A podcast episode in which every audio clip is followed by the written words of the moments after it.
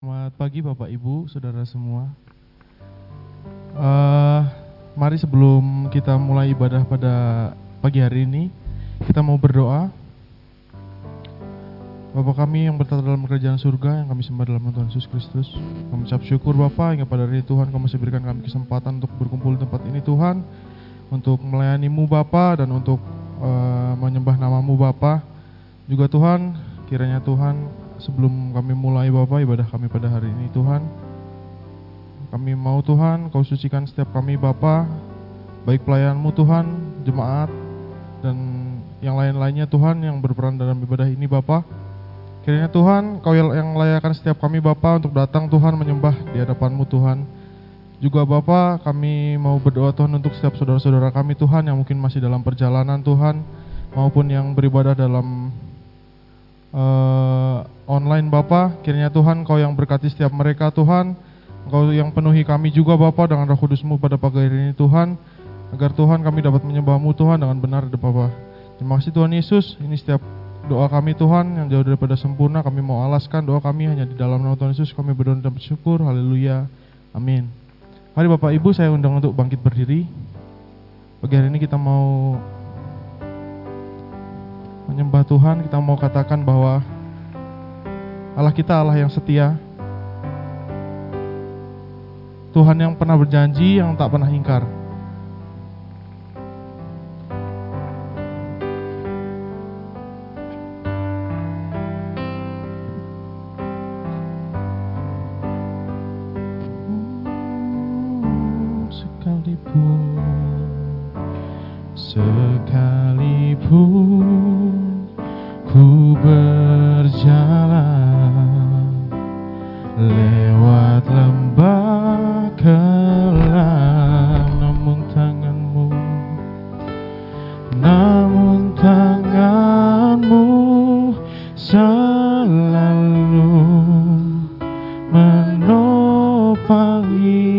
hidupku saat ku dalam saat ku dalam ketakutan. Kau yang hadir.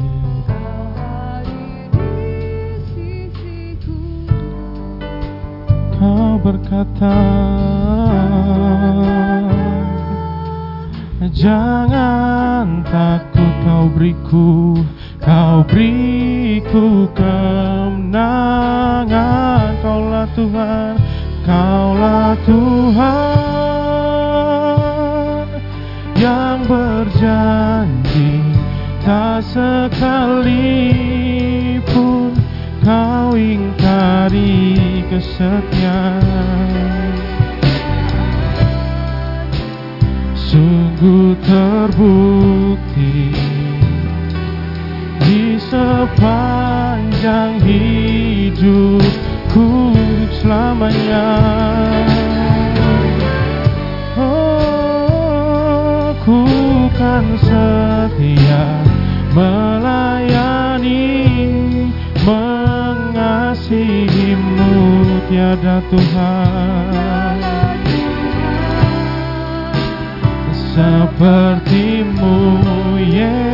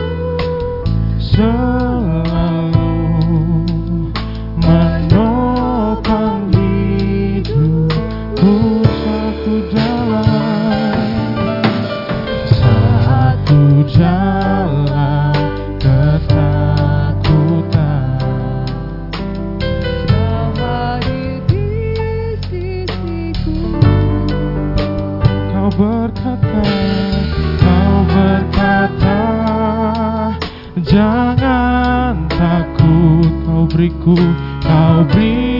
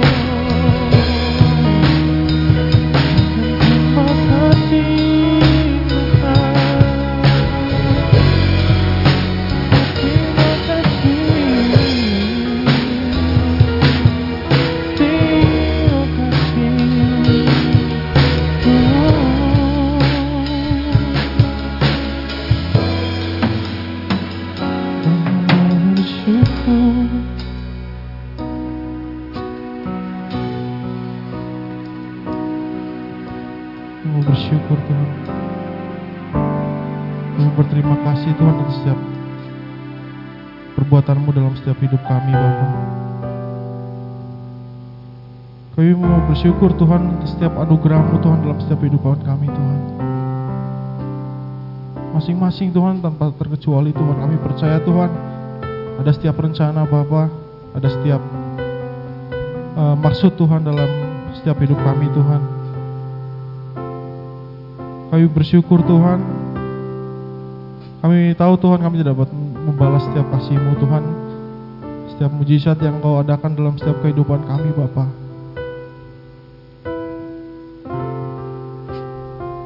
Kami berkata Tuhan,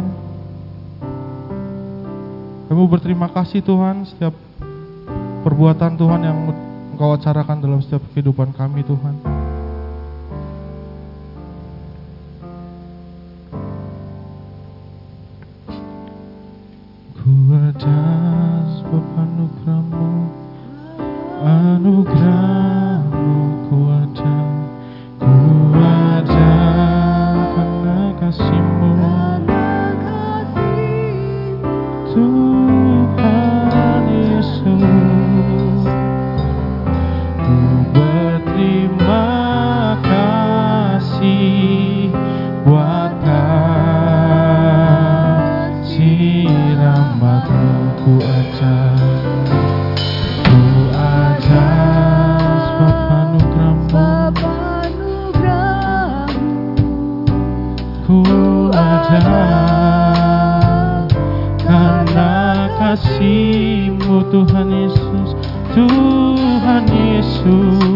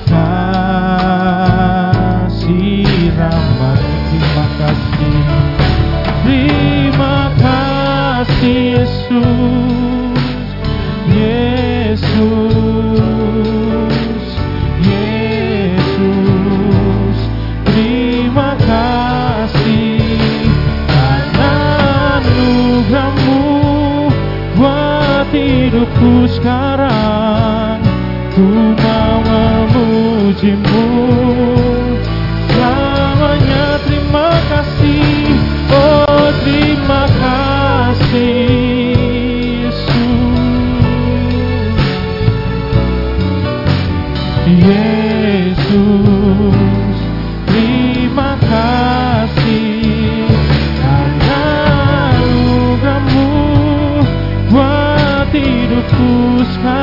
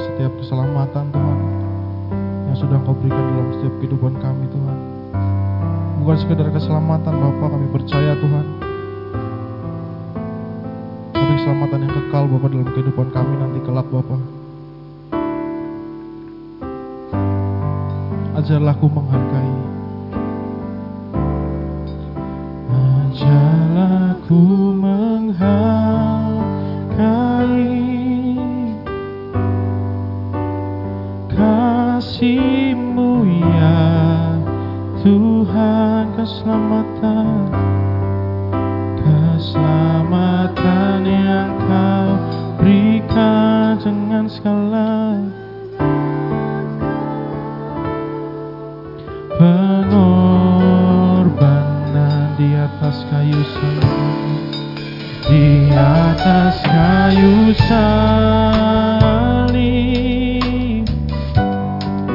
Kau curahkan darahmu.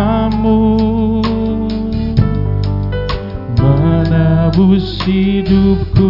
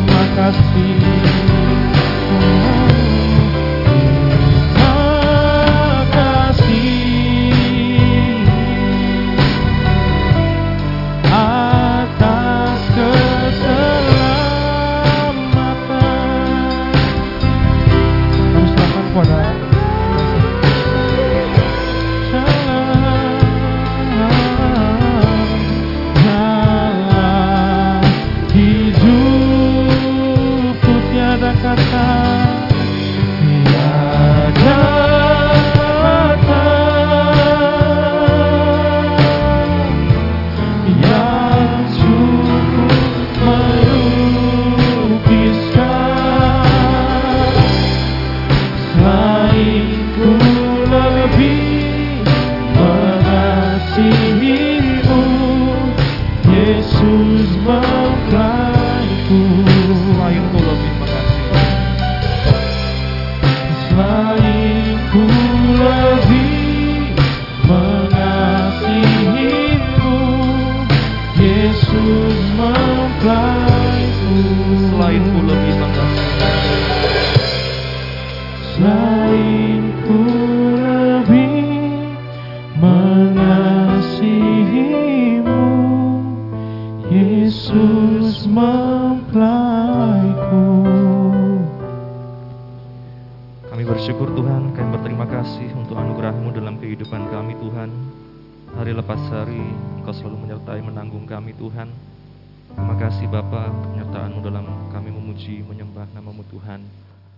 Memberkati setiap pelayan-Mu Tuhan yang sudah ambil bagian Tuhan dan setiap kami yang hadir di tempat ini Bapa.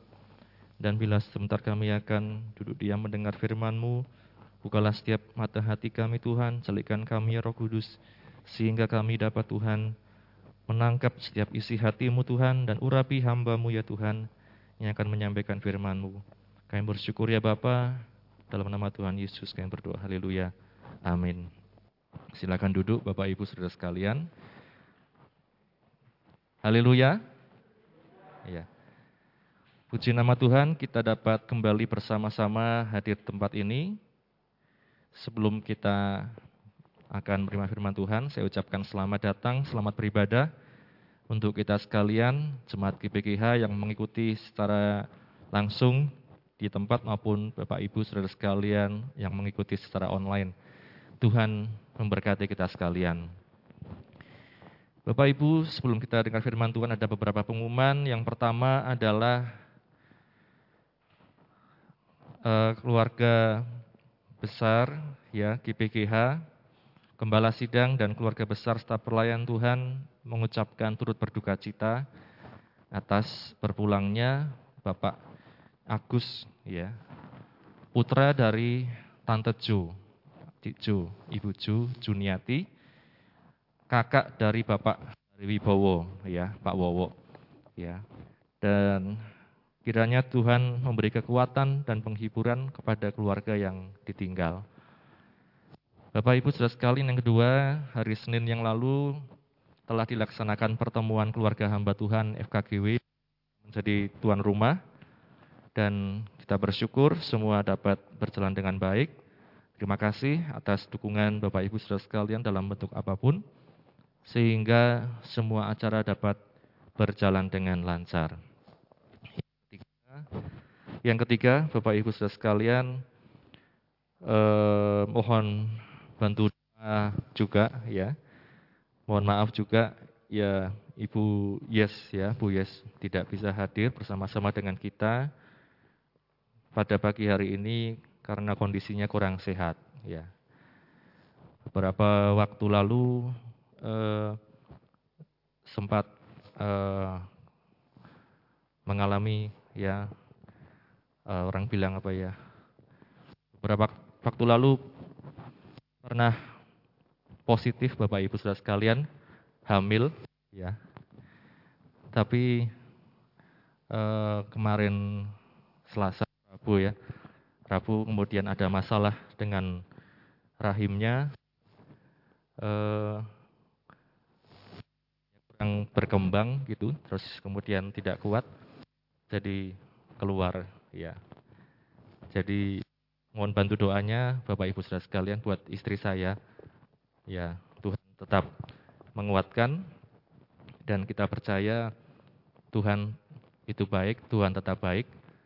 Tuhan tahu yang terbaik untuk setiap kehidupan kita. Demikian Bapak Ibu, ada tambahan? Ya. Tidak ada ya.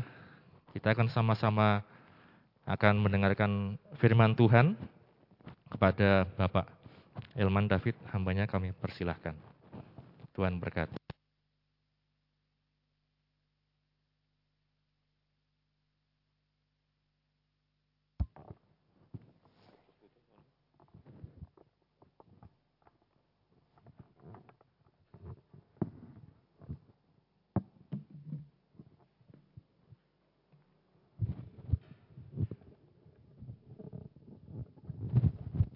Shalom. Apa kabar? Puji Tuhan, ya. Apa pun boleh terjadi dalam hidup kita, ya. Yang penting kita tetap mau percaya kepada Tuhan, kita tetap mau berharap kepada Tuhan, kita tetap mau setia kepada Tuhan, dan kita hanya harus selalu berpegang satu-satunya hanya kepada Tuhan kita Yesus Kristus. Amin. Ya. Dan apa yang sudah terjadi semuanya itu sudah atas seizin Tuhan dan tidak lepas dari ya semua itu mungkin ujian buat kita tetapi Tuhan pasti akan memberikan yang baik pada waktunya nanti. Amin. Puji nama Tuhan, terima kasih buat waktu yang sudah diberikan untuk saya berbagi pada pagi hari ini dan saya ucapkan juga kita selamat beribadah kepada yang online juga ya, yang ada di rumah. Dan mari kita sama-sama mau membuka hati kita, kita mau membuka Alkitab kita, kita mau siapkan hati kita dan hidup kita untuk bersama-sama uh, menerima firman Tuhan.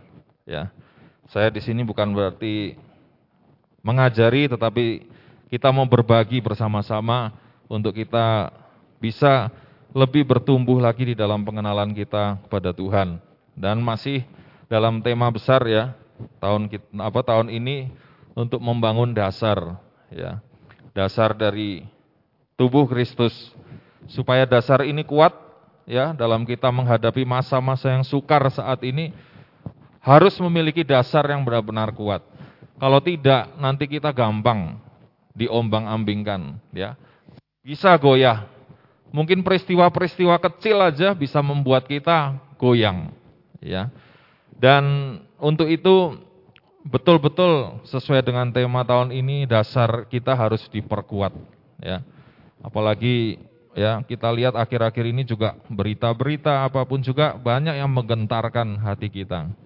Tapi kalau dasar kita kuat, dasar iman kita kuat, ya kita pasti tidak akan jatuh. Bahkan kita akan semakin terbang tinggi, semakin kuat ya di dalam Tuhan.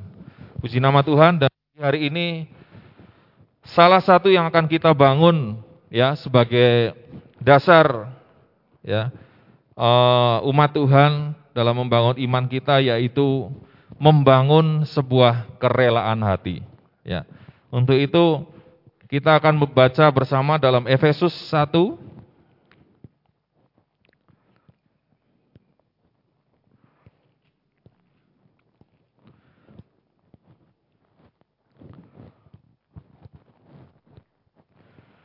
Efesus 1 ayat yang ke-9.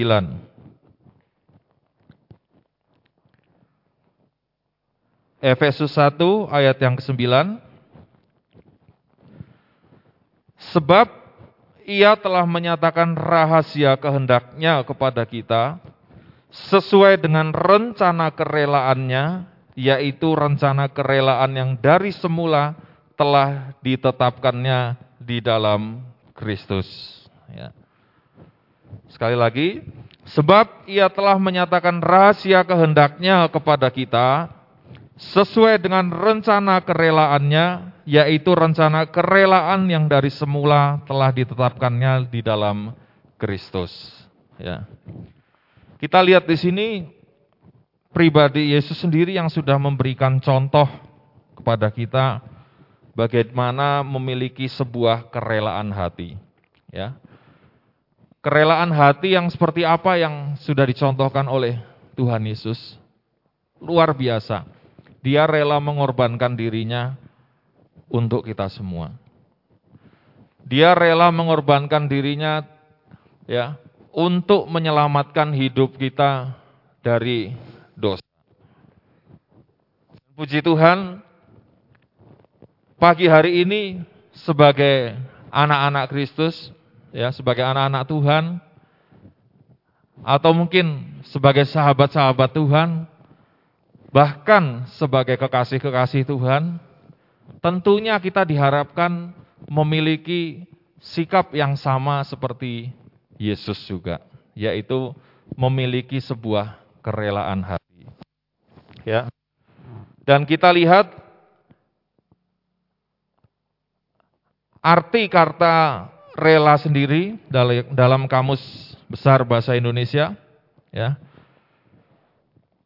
Arti kata rela itu adalah bersedia dengan ikhlas hati. Ya. Ini arti secara dari kamus ya. Dan memang sebagaimana pengertian kita semuanya, arti kata rela itu ikhlas hati, izin atau persetujuan, perkenanan, dapat diterima dengan senang hati, tidak mengharapkan imbalan dengan kehendak atau kemauan sendiri. Ya. Jadi kalau kita berkata bahwa kita memiliki rela hati, berarti kita memiliki sikap yang ikhlas. Ya, ikhlas, terus dapat diterima dengan senang hati, ya, tidak mengharap imbalan atau kehendak atau kemauan sendiri. Karena kerelaan itu tidak bisa dipaksa, tapi harus dari kehendak dan kemauan sendiri. Ya. Kemudian yang berikutnya apa korelasi hati dan rela? Ya. Biasanya pasangannya pasti rela hati. Ya. Di sini kita lihat, ya mungkin maaf tulisannya agak kecil ya karena biar nggak terlalu banyak slide-nya. ya. Jadi di sini saya bikin catatan sebuah kerelaan harus dibangun dari hati terlebih dahulu, ya. Sebuah kerelaan harus dibangun dari hati kita terlebih dahulu yang kemudian akan muncul atau timbul melalui sikap kita. Ya. Akan muncul, timbul melalui sikap kita. Jadi, kalau orang yang rela tetapi mukanya cemberut itu kira-kira betul-betul ikhlas enggak relanya? ya. Pasti kelihatan. Ya, biarpun kita tutupi seperti apa pun, ya. Bahkan ya mungkin saat kita sedih, saat kita apa, biarpun kita mungkin lagi kehilangan sesuatu, kehilangan seseorang, kehilangan apa pun juga, ya mungkin secara apa e, mulut kita bisa berkata, iya saya bisa merelakan. Tetapi kadang dari sikap hati kita, kita akan lihat bahwa itu kita belum rela. Ya, makanya sebuah kerelaan itu harus dibangun dari hati kita dulu. Dari hati yang nantinya akan timbul kelihatan melalui sikap kita. Itu sudah jalurnya memang seperti itu. Ya. Jadi jangan ada rela atau ikhlas karena terpaksa. Ya. Jadi ya, jadi dulu saya pernah punya cerita waktu masa-masa sekolah ya. Ya kadang sebagai minoritas itu suka ada istilah sekarang bulian ya. Mungkin kalau Mas Iwan tahu dulu zaman sekolah pas SMP gitu, pas anu lagi sekolah, yang namanya kadang pulang sekolah tahu-tahu dicegat gitu kan, terus ini jaluk duitnya, kayak isatus ini. Habis kita kasih, ya daripada ribut kita kasih, nanti ditanya lagi ikhlas ora dari ini, ya ya, ya ikhlas ini, ya itu ikhlas yang dipaksa ya kan. Jadi sebenarnya tidak ikhlas gitu. Ya, tetapi karena ditanya ikhlas ora dari ini. Ya semua ndak mau wis, ya. Ya itulah yang jangan sampai namanya dalam hidup kita ada yang namanya rela atau ikhlas karena terpaksa. Ya. Ikhlas itu berarti kita dengan niat kemauan sendiri rela hati, ya. Dan pada masa sulit sekarang ini banyak yang susah memiliki kerelaan hati. Karena manusia cenderung memikirkan diri dan kepentingan sendiri. Ya. Kemudian apa saja yang perlu kita bangun ya dalam hidup kita? Ya, di sini saya ambil lima poin saja, ya, tidak banyak-banyak. Lima kerelaan hati yang wajib dimiliki oleh anak-anak Tuhan. Yang pertama, satu ya, rela ditegur atau dikoreksi dan bertobat. Ya. Rela ditegur, dikoreksi dan bertobat. Ya. Kita lihat di dalam Wahyu pasal 3 ayat 19. Wahyu pasal 3 ayat 19.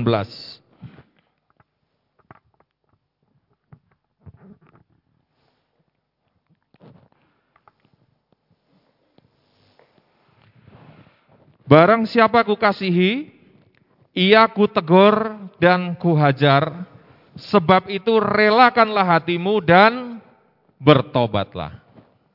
Ya.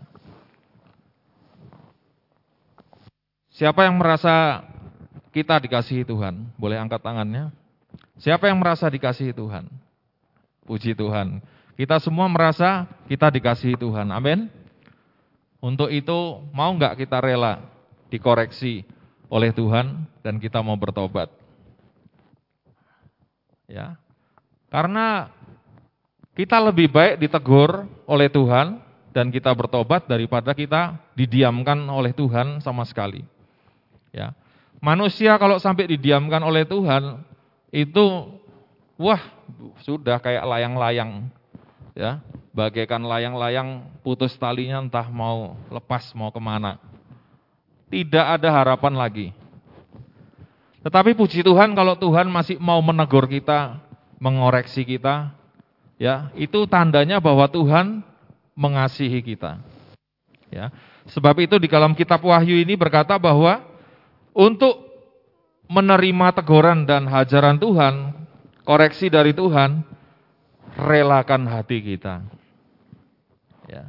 Jangan keraskan tapi relakan hati kita. Ya. Karena kita semuanya tentu dengan apa yang sudah kita dapat selama ini ya baik dari Bapak Gembala, dari hamba-hamba Tuhan, dari pendeta Yesaya semuanya. Saya yakin dan percaya kita semua saat ini yang hadir di tempat ini adalah anak-anak Tuhan yang sudah dewasa secara rohani. Amin. Ya. Tentunya kita orang-orang yang dewasa itu yang bisa kita hatinya, rela hatinya kalau kita menerima koreksi atau teguran dari Tuhan. Karena tujuan teguran dari Tuhan, koreksi dari Tuhan, itu membuat hidup kita untuk lebih baik lagi. Ya, Untuk lebih baik lagi menjadi pribadi yang lebih berkenan kepada Tuhan. Dan tentunya kalau kita sampai ditegur, dikoreksi oleh Tuhan, berarti ada yang salah dalam hidup kita. Ya, untuk itu kita harus bisa introspeksi. Jangan kita malah menyalahkan, "Aduh, Tuhan kok seperti ini sih?" Ya, Tuhan kok kejam banget seperti gitu. Ya, tetapi kita lebih baik kita introspeksi, kita terima teguran dari Tuhan dengan rela hati dan kita mau berubah. Ya. Karena apa? Tujuan dari teguran ini adalah untuk kita bisa bertobat, bisa lebih baik lagi, ya. Bertobat ini adalah sesuatu yang tidak bisa ditawar-tawar. Ya, pertobatan ini. Ini bukan berarti ketika kita sudah dibaptis terus otomatis kita bertobat, bukan. Pertobatan ini adalah melalui proses yang terus-menerus, ya. Ketika kita mungkin mempunyai ya banyak sekali hal-hal yang eh, apa? belum kita lepaskan, kita belum bisa bertobat, ya, tetapi oleh kemurahan Tuhan kita bisa lepaskan satu-satu saat teguran Tuhan datang, kita lepaskan, kita mau bertobat, kita berubah, berubah, berubah sehingga nantinya menjadi pribadi yang betul-betul berkenan kepada Tuhan. Dan bertobat ini tidak ada tawar-menawar karena firman Tuhan di dalam Ibrani juga berkata bahwa pada hari ini jika engkau mendengarkan suaranya, janganlah keraskan hatimu. Karena apa? Siapa tahu besok sudah terlambat. Ya. Pertobatan berbicara kemarin tidak berbicara besok, tetapi pertobatan ini berbicara tentang saat ini juga, hari ini juga. Karena apa? Ya tadi yang saya katakan, kita tidak tahu setiap orang punya kuota masing-masing, ya, kuota hidup di dunia. Dan kita tidak tahu semuanya masa aktif kita sampai berapa lama. Ya. Masih untung kalau kita masih diberikan masa tenggang. Masa tenggang itu saat kita sakit parah atau mungkin saat kita lagi ya. Tes saat ini. Ya. Saat kita lagi susah, sakit, itu saya anggap itu masa tenggang. Tuhan masih kasih kesempatan. Tapi kalau saat itu ternyata langsung game over, ya, tidak ada kesempatan lagi. Apakah kita masih mau bertobat? Tidak ada kesempatan lagi. Sudah terlambat. Ya, seperti lagu dulu, terlambat sudah. Ya. Untuk itu mari kita mau relakan hati kita, ditegur, dikoreksi dan bertobat. Contohnya siapa? Contohnya Raja Daud. Kita bisa lihat, biarpun dia seorang raja, ketika dia dikoreksi oleh Nabi Nathan, dia mau merendahkan diri, dia mau minta ampun, bertobat dan Tuhan pulihkan kembali. Anak yang hilang, dia bersenang-senang, ya Akhirnya sampai habis-habisan. Tuhan masih kasih kesempatan dia tidak mati di sana. Ya. Dan akhirnya dia mau kembali lagi dan diangkat lagi oleh Tuhan. Jadi tidak jangan pernah kita mau mengeraskan hati saat Tuhan berkata, "Ayo tobato." Mari kita mau bertobat, kita mau berubah menjadi pribadi yang lebih baik lagi. Berkatnya apa kalau kita mau bertobat? Kita akan memiliki sukacita, kita akan semakin dewasa rohani, kita akan memiliki kehidupan yang semakin baik dan dosa-dosa kita juga dihapuskan. Ya. Itulah kerelaan pertama yang perlu kita miliki di dalam hidup kita. Rela dikoreksi dan mau bertobat. Yang kedua, rela taat dan mau dibentuk oleh firman Tuhan. Kita lihat dalam Ibrani pasal 11 ayat yang ke-8.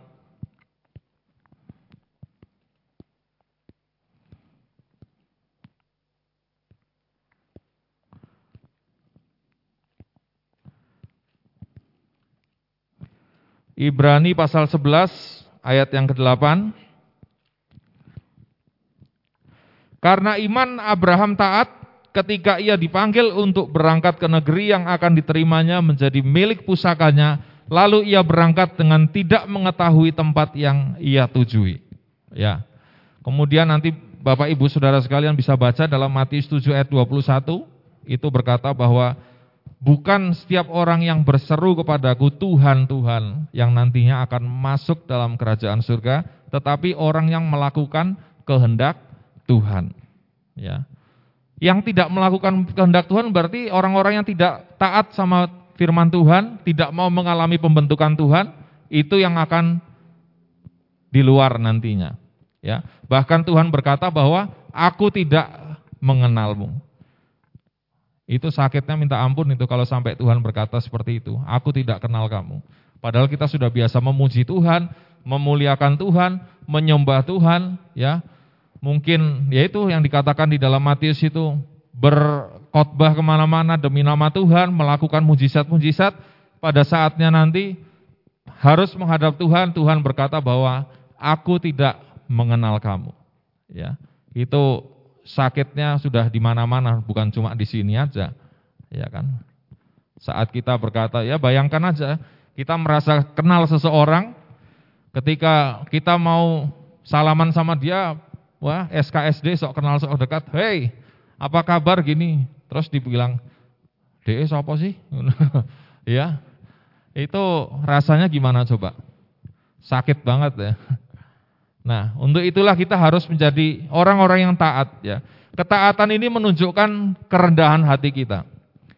Ketaatan ini menunjukkan juga bahwa kita menundukkan diri kepada otoritas. Baik itu di rumah, dalam keluarga, dalam tempat pekerjaan, di dalam gereja, ya, di dalam apa pun juga mungkin kita ikut berorganisasi di mana namanya tunduk pada otoritas itu sesuatu hal yang harus kita lakukan sebagai anak-anak Tuhan. Ya. Dan kita harus juga sabar dan taat dalam masa pembentukan. Karena Tuhan sangat menghargai sebuah ketaatan. Ya.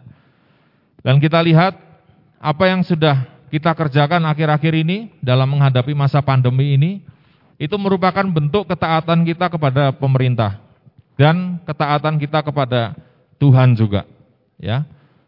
Dalam rangka pandemi ini juga kita menyukseskan apa yang menjadi program pemerintah yaitu sekarang ditambah dua lagi menjadi 5M ya. Memakai masker, menjaga jarak, apalagi mencuci tangan, mengurangi komunitas, satu lagi menjauhi kerumunan. Ya, 5M sekarang. Ya, dan itu harus kita taati. Ya, itu hal-hal kecil tetapi kita perlu taat. Dan itu menunjukkan kita anak Tuhan yang punya rendah hati dan kita rela hati kita mau taat dan dibentuk oleh firman Tuhan. Ya, contohnya yaitu Abraham. Ya, Abraham biarpun dia disuruh ke tempat yang dia belum tahu ke mana dia harus pergi, dia taat. Bahkan ketika dia harus mempersembahkan Ishak anaknya, ya, dia taat. Ya, dan berkat dari ketaatan ini apa? Berhasil dan beruntung mampu teguh bertahan menghadapi masa-masa sukar dan kita akan menerima janji-janji Tuhan dalam hidup kita. Amin. Ya. Untuk itu relakan hati kita untuk kita mau taat dan mau dibentuk oleh firman Tuhan. Ya. Dan yang berikutnya kita akan cepat aja karena waktu berjalan terus. Yang ketiga, miliki kerelaan hati untuk mengampuni dan mengasihi. Ya. 1 Yohanes 4 ayat 20 sampai 21. 1 Yohanes 4 ayat 20 dan 21. Atau mulai dari 19 saya bacakan. Kita mengasihi karena Allah lebih dahulu mengasihi kita. Jikalau seorang berkata, aku mengasihi Allah dan ia membenci saudaranya, maka ia adalah pendusta. Karena barang siapa tidak mengasihi saudaranya yang dilihatnya, tidak mungkin mengasihi Allah yang tidak dilihatnya. Dan perintah ini kita terima dari dia, barang siapa mengasihi Allah, ia juga harus mengasihi saudaranya. Ya. Jadi ini sesuai dengan hukum yang utama dan terutama dari firman eh, dari Tuhan, yaitu kasihilah Tuhan Allahmu dengan segenap hatimu dan dengan segenap jiwamu dan dengan segenap akal budimu dan kasihilah sesamamu manusia seperti dirimu sendiri. Ya. Kasih dan pengampunan ini sudah satu paket. Jadi tidak ada kasih tanpa pengampunan, tidak ada pengampunan tanpa kasih. Kalau saya berkata bahwa saya memaafkan Anda, tetapi saya tidak pernah tidak akan pernah lupa apa yang sudah kamu lakukan. Itu berarti kita belum rela hati, belum ikhlas untuk mengampuni orang. Sering enggak kita dengar kata-kata sendiri seperti itu? Ya. Kelihatannya sepele. Oh, wis ora apa-apa kok. Saya sudah apa? memaafkan. Tapi saya tidak akan pernah lupa apa yang sudah dilakukan. Ya. Dan Tuhan berkata di sini, kalau orang mengasihi Tuhan, kita menyembah Tuhan, tetapi kita tidak mengasihi saudara kita, mungkin itu orang serumah kita, mungkin itu orang teman di sekolah kita, mungkin itu teman kerja kita, mungkin itu siapa pun. Ya. Tuhan berkata itu adalah pendusta. Dan siapa Bapak pendusta? Iblis. Ya. Untuk itu kasih dan pengampunan harus kita miliki. Karena kita orang-orang yang dikasihi Tuhan, kita orang-orang yang mengasihi Tuhan, dan Yesus sendiri sudah mengampuni kita dan sudah menyelamatkan kita. Ya, makanya di sini contoh yang saya buat adalah Tuhan Yesus sendiri. Ya. Di dalam Matius 18 ayat 21 sampai 22 berkata bahwa berapa kali kita harus mengampuni 70 kali 7 kali atau dalam arti tidak terhingga. Ya, mungkin anak di rumah membuat kesalahan, minta ampun, kita ampuni. Kita arahkan yang baik gimana. Mungkin saudara kita membuat kesalahan kepada kita, ya, kita maafkan, kita ampuni. Ya, kita bikin semua hubungan itu menjadi lebih baik. Ya. Dan berkat dari kasih dan pengampunan ini apa? Ya. Berkatnya tidak ada beban, ya, plong hatinya, damai sejahtera, dan yang terutama juga tubuh dan jiwanya sehat. Ya. Kita tidak usah berkata yang muluk-muluk, kalau kita tidak mengampuni nanti kena kanker hati lah, kena inilah apa. Tidak usah sampai yang seperti itu. Ya, Satu aja penyakit, kalau kita tidak mengampuni orang, apa coba? Migrain coba. Kalau ketemu orangnya, Aduh, cekot-cekot ini rasanya nek dulu orang itu jan wis ya ya pusing kepala. Ya. Habis itu nanti larinya ke mana? Mulai asam lambungnya kumat. Ya. Wah, rasanya tidak sejahtera. Ya. Nah, mulai dari situ nanti mulai merembet ke yang lain-lain. Ya. Itulah kalau kita tidak mau mengampuni, tidak mau mengasihi dengan penuh kerelaan hati, ya minimal pusing itu pasti kita rasakan. Ya. Nanti pas ketemu rasanya gimana? Ya, harusnya jalan lewat situ yang paling dekat, mau tidak mau kita muter, ya, cari jalan 2 km lagi. Ya, capek sendiri toh. Hanya gara-gara biar tidak ketemu orang itu. Ya toh. Untuk itu miliki kasih dan pengampunan dalam hidup kita. Ya, relakan hati kita untuk mau mengampuni orang mau mengasihi orang. Ya. Puji Tuhan. Yang berikutnya, yang keempat, ya. Di sini kita lihat adalah kita harus memiliki kerelaan untuk berkorban dan melayani Tuhan. Ya, di dalam Roma 12 ayat 1 berkata bahwa uh, kita baca aja. Roma pasal 12 ayat 1 Karena itu saudara-saudara, demi kemurahan Allah, aku menasihatkan kamu supaya kamu mempersembahkan tubuhmu sebagai persembahan yang hidup, yang kudus dan yang berkenan kepada Allah. Itu adalah ibadahmu yang sejati. Ya. Kita harus mau berkorban dan melayani Tuhan. Rela berkorban dan melayani Tuhan. Dalam hal apa? Mungkin hidup kita Ya, di sini di, melalui Roma 12 ayat 1 yang paling utama Tuhan meminta kita mempersembahkan apa? Hidup kita. Karena saat kita mau mempersembahkan hidup kita, maka kita pasti akan mengorbankan waktu, tenaga, pikiran, harta, talenta kita dan lain-lain yang terbaik untuk Tuhan kita. Ya, mungkin karena berkorban untuk Tuhan kita harus harus melepaskan sesuatu yang kita sukai, melepaskan sesuatu apa pun juga. Ya, tetapi ingat bahwa apa yang paling berharga dalam hidup kita saat kita korbankan, saat kita lepaskan untuk Tuhan, ya, Tuhan tidak mau berhutang kepada kita. Ya, Tuhan tidak akan mau berhutang. Saat kita mengorbankan waktu kita untuk Tuhan, saat kita mungkin mengorbankan ya, apa yang kita miliki, harta kita, mungkin hati kita, tenaga kita, ya, pikiran kita untuk Tuhan. Nanti Tuhan pasti akan mengembalikannya berlipat-lipat kali ganda. Kalau bukan kita sendiri yang mengalami, paling tidak keturunan kita, anak cucu kita nanti pasti akan menerimanya. Amin. Ya.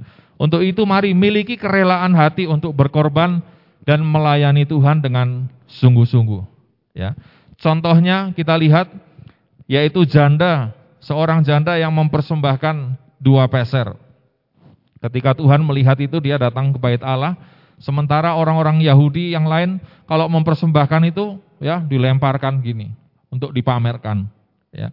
Dan ada istilah mereka nanti yang jatuh itu untuk Tuhan, kalau yang apa? Yang jatuh itu diambil lagi, tapi yang ke atas itu untuk Tuhan. Ya gimana? Kalau kita lemparkan ke atas, mana ada yang mau nyantol kecuali kita melemparkannya ke seng atau apa ya. Tetapi janda itu datang dua peser dia masukkan. Itu menunjukkan seluruh hidupnya dia. Ya, demikian juga yang janda di Sarfat yang waktu dia melayani Elia ketika Elia berkata, "Persembahkan itu semua makanan itu Ya padahal itu miliknya satu-satunya habis itu dia makan itu dia bilang dia akan mati karena waktu itu masa kelaparan. Tapi dia mau taat mempersembahkan mau berkorban yang terbaik bagi Tuhan. Dan akhirnya apa? Tuhan berkati dengan melimpah-limpah. Ya. Dan berkat yang kita dapatkan kalau kita memiliki hati yang rela berkorban dan melayani Tuhan, diberkati rohani jasmani dan ingat yang tadi Tuhan katakan bahwa Tuhan tidak mau berhutang sepeser pun dalam hidup kita. Ya. Yang terakhir kita lihat ini mungkin yang paling tidak enak tetapi harus kita miliki yaitu rela menderita bagi Tuhan, bagi Kristus. Ya, kita lihat di dalam Filipi 1 ayat 9 ayat 29 Filipi pasal 1 ayat 29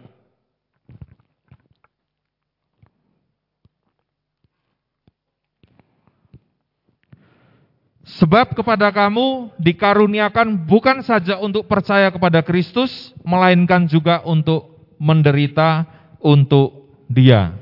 Ya, di dalam Lukas 9 ayat 23 itu berkata bahwa barang siapa yang mengikut aku, dia harus menyangkal dirinya, ya, memikul salibnya dan mengikut aku.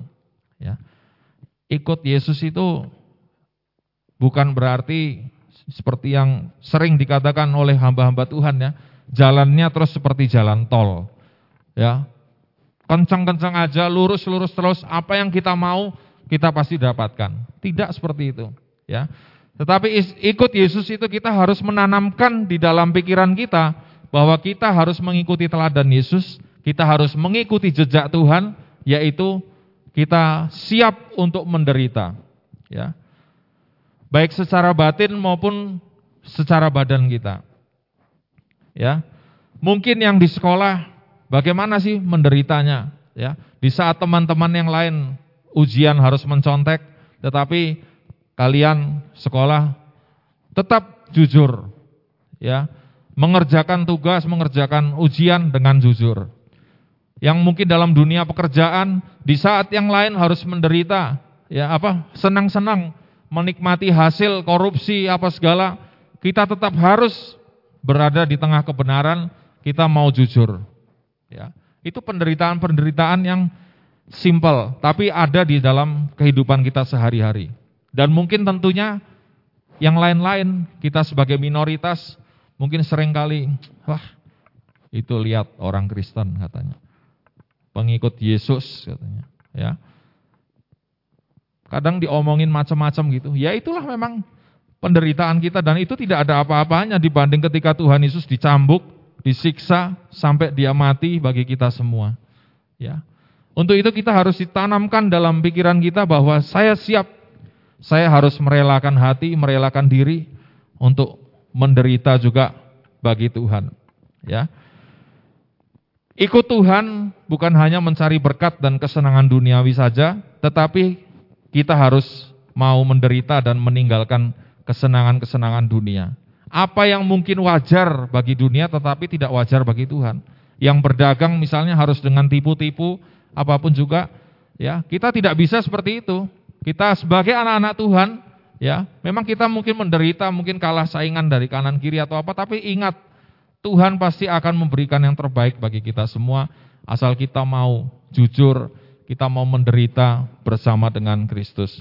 Ya, contohnya adalah Rasul Paulus, Yusuf, Rasul Paulus, itu semua adalah contoh-contoh yang mengalami penderitaan dan setia menderita. Bahkan Paulus menganggap bahwa dia bangga kalau dia harus menderita sebagai pengikut Tuhan. Berkatnya adalah apa? Kita mengalami kedewasaan rohani, kita naik level, dan kita mendapatkan hidup yang kekal. Kita akan baca di dalam Ayat-ayat terakhir, mari kita sambil bangkit berdiri. Saya undang kita semua bangkit berdiri.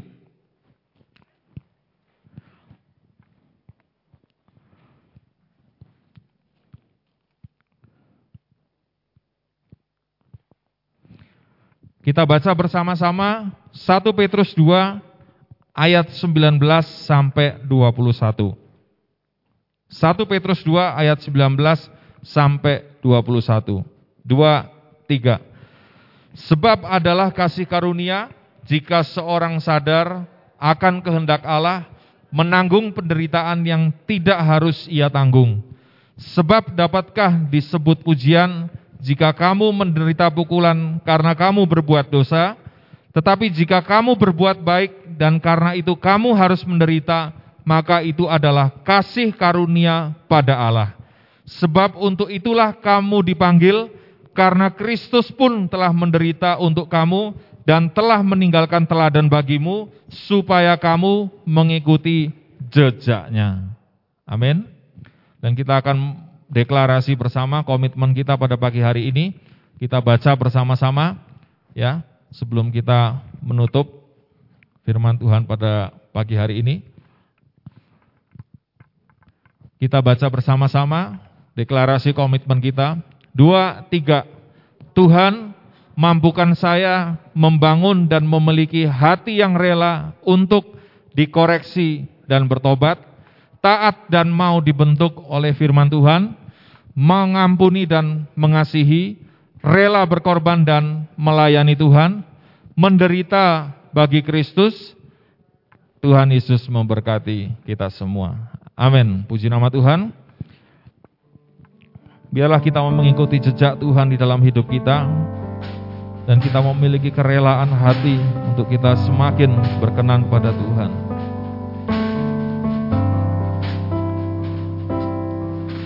Sering ku tak mengerti jalan-jalanmu Tuhan. Bagai di belantara yang kelam. Tanpa seribu tanya namun tetap percaya. Jejakmu Tuhan sungguh sempurna sering ku tak mengerti. Sering ku tak mengerti. Jalan-jalanmu Tuhan bagai di belantara yang kelam tanpa seribu tanya, tanpa seribu tanya, namun tetap percaya. Jejakmu Tuhan sungguh sempurna. Ajarku menyadari, ajarku memahami semua yang kau ingini agar hidupku puaskan hatimu Bagimu aku rela bagimu aku rela sepenuh hati menghamba serahkan diri genapi karyamu kita mau renungkan lagu ini dengan sungguh-sungguh apa yang sudah disampaikan firman Tuhan pagi hari ini. Kita harus memiliki kerelaan hati untuk kita mau bertobat, dikoreksi, mau taat pada firman Tuhan. Untuk kita mau mengikuti jejak Tuhan, kita mau rela berkorban, kita mau ikut menderita bersama Tuhan. Ingat, Tuhan tidak pernah mau berutang. Dia pasti akan menggenapi setiap janji-janjinya dalam hidup kita. Asal kita mau memberikan hati kita, mempunyai kerelaan kita sepenuhnya pada Tuhan. Haleluya. Sering ku tak mengerti jalan-jalanmu Tuhan, bagai di belantara Tanpa seribu tanya, namun tetap percaya jejakmu Tuhan, jejakmu Tuhan sungguh sempurna. Ajarku memahami, ajarku memahami semua yang kau ingini agar hidupku puaskan hatimu. Bagimu aku rela, bagimu aku rela. Sepenuh hati menghamba serahkan diri genapi karyamu ajarku. Ajarku memahami semua yang kau ingini agar hidupku puaskan hatimu bagimu aku rela sepenuh hati menghamba serahkan diri genapi karyamu. Ajarku memahami buat kami mau memahami keinginanmu Tuhan. Karena kami tahu Tuhan Kau sungguh ingin hidup kami senantiasa memperkenankan Engkau Tuhan Biarlah kami memiliki hati yang rela Tuhan. Untuk kami mau mengasihi Engkau lebih lagi. Mau menjadi pribadi yang semakin baik kepadamu Tuhan. Oh, ajarku memahami. Waktu selanjutnya saya serahkan padamu. Agar hidupku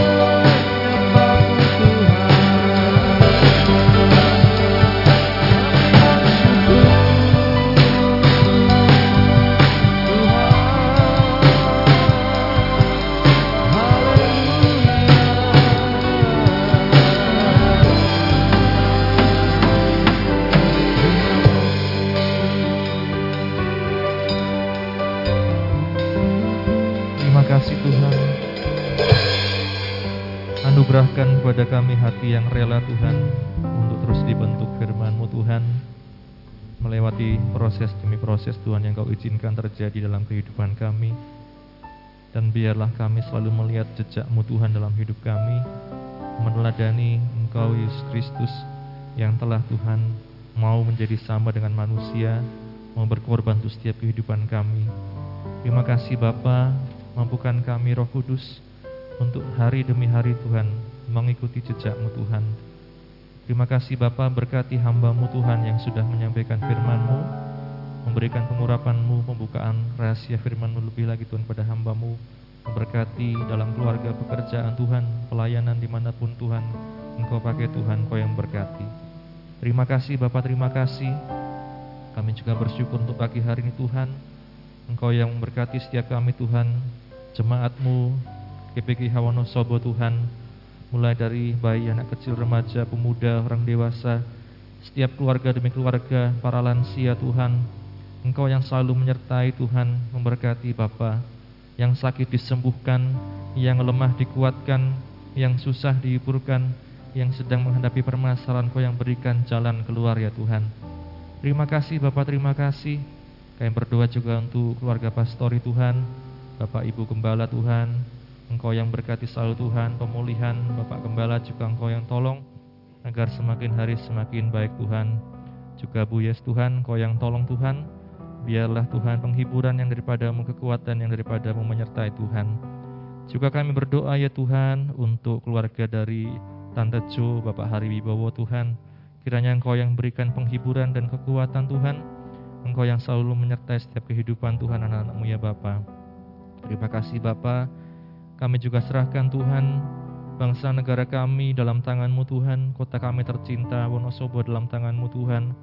Engkau yang selalu memberkati Bapa, pemimpin-pemimpin kami Tuhan, dari presiden, wakil presiden, setiap jajaran pemerintahan, dari tingkat pusat sampai daerah-daerah, sampai RT RW, semuanya Tuhan, berikan kebijaksanaan daripadamu Tuhan, jauhkan dari segala hawa nafsu korupsi Tuhan dan lain-lain Tuhan. Biarlah Tuhan namamu semakin dipermuliakan Tuhan. Pakailah anak-anakmu Tuhan, hamba-hambamu menjadi alatmu Tuhan bagi bangsa ini ya Bapa. Terima kasih Bapak. Kami juga serahkan ya Tuhan, hamba-hambamu di seluruh dunia ini Tuhan, mereka yang menghadapi berbagai macam tantangan di wilayah-wilayah penuh konflik Tuhan, mereka yang mengalami intimidasi, ancaman, penganiayaan, penderitaan oleh karena namamu.